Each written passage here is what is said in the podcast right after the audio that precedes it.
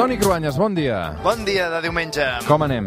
Bé, bé. Ja cal, que, ja cal que descansis aquest diumenge Sí. perquè la setmana que ens espera, i a tu especialment, serà tela, eh? Em sembla que sí, em sembla que sí. Doncs va, mentre esperem aquesta sentència, que tot apunta, eh, se sabrà demà, eh, de moment avui ens fixem en una altra història, una altra notícia que aquesta setmana ha sortit ja amb molta força a l'informatiu El TN que presenta el Coranyes cada nit a les 9 del vespre a TV3. L'exèrcit ha començat colpejant zones de Kobane, Tel Aviv i Ras Al Estratègics d'entrada, però també altres ciutats densament poblades de Rojava. Erdogan sosté que portarà la pau a aquesta regió, però poc després la imatge és aquesta, zones civils bombardejades i població escapant espantada dels atacs. Aquesta és la Txell Feixes narrant aquests atacs que Turquia està fent sobre els kurds de Síria, una altra vegada una decisió de Donald Trump que té conseqüències devastadores, Toni. Sí, és que a Síria, i de fet a tot el Pròxim Orient, qualsevol moviment té conseqüències. És com posar les fitxes del dòmino una al darrere l'altra i que si en fas caure una, les del darrere cauen totes, una a una. Doncs amb la decisió de Donald Trump sobre els kurds també està passant el mateix. Avui amb el Toni Cruanyes parlem sobre els kurds. I abans de res, Toni, el que hauríem de fer avui és situar-nos en el mapa. Sí, a veure, situem-nos en el mapa del Pròxim Orient. El poble kurd és la minoria ètnica més gran del món que no té un estat. Són entre 55 i 60 milions de persones que viuen a l'entorn d'un espai geogràfic que ens hem d'imaginar està repartit entre Turquia, l'Iran, l'Iraq i Síria. No és poca cosa, eh? De la quantitat més gran de kurds que viuen en un territori concret d'un estat és el turc. El 45% dels kurds són a Turquia. Són una nació sense estat en una zona del món que està carregada de nacions històriques que se superposen a realitats d'estats actuals que no coincideixen necessàriament amb les seves fronteres.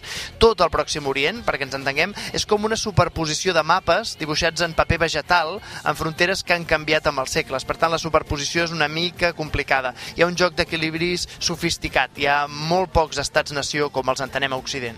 La situació del Kurdistan és complicada i viu gent que comparteixen una llengua, alguns aspectes culturals i religiosos, però viuen en quatre estats diferents. Sí, i per fer-ho encara més complicat, són estats que estan lluitant en una guerra soterrada entre ells, com per exemple Síria i l'Iran. Per tant, els kurds són considerats enemics interns en cadascun d'aquests països, però sovint també són considerats aliats dels països veïns, amb els quals estan en guerra l'Iraq, Turquia, Síria o l'Iran.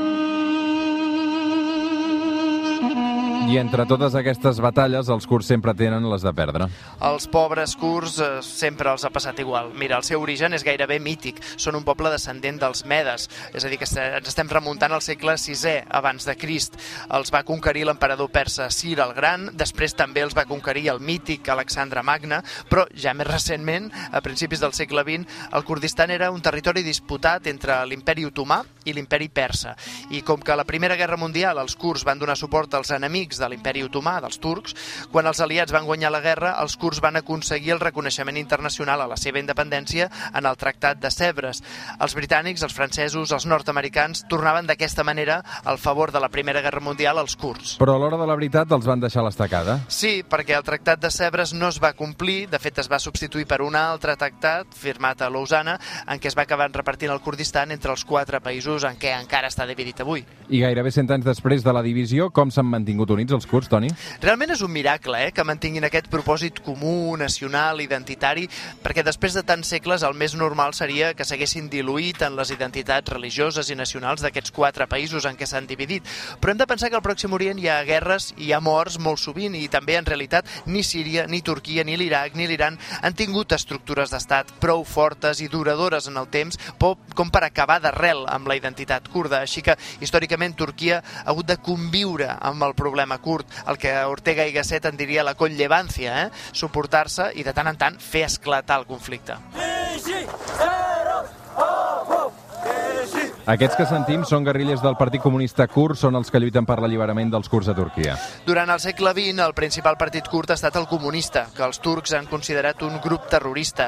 Abdullah Öcalan és el seu líder més destacat de les últimes dècades i el govern turc l'ha considerat el seu enemic número 1 perquè els kurds de Turquia reclamen una autonomia i com que no se'ls concedeix, de fet reclamen directament la independència. Amb els kurds, Turquia no hi vol negociar, només els vol assimilar. Biji Merhaba. Beşiktaş. Aquesta és una cançó en honor als guerrillers kurds de Síria, del Rojava, que van defensar el seu territori d'estat islàmic, però el conflicte d'aquesta setmana és entre Turquia i els kurds de Síria. Exacte. Hem de recordar que en els últims anys els kurds de Síria i abans els de l'Iraq han estat aliats dels Estats Units. A l'Iraq el govern de George Bush els va utilitzar en la guerra per derrocar Saddam Hussein i com a premi ara controlen amb una autonomia un terç del territori de l'Iraq, que és el que té els principals pous de petroli. I els kurds de l'Iraq van ajudar els americans contra Saddam Hussein i els kurds de Síria els han ajudat contra Estat Islàmic. Això mateix, en el tauler d'escacs que és Síria, els russos i els turcs donen suport incondicional a Bashar al-Assad i els Estats Units ha tingut un paper erràtic denunciant Bashar al-Assad per massacrar la seva pròpia població amb armes químiques i també convencionals comprades als russos, però per evitar que en el caos de Síria es fessin forts els radicals d'estat islàmic, en el terreny l'exèrcit americà s'ha recolzat en els kurds.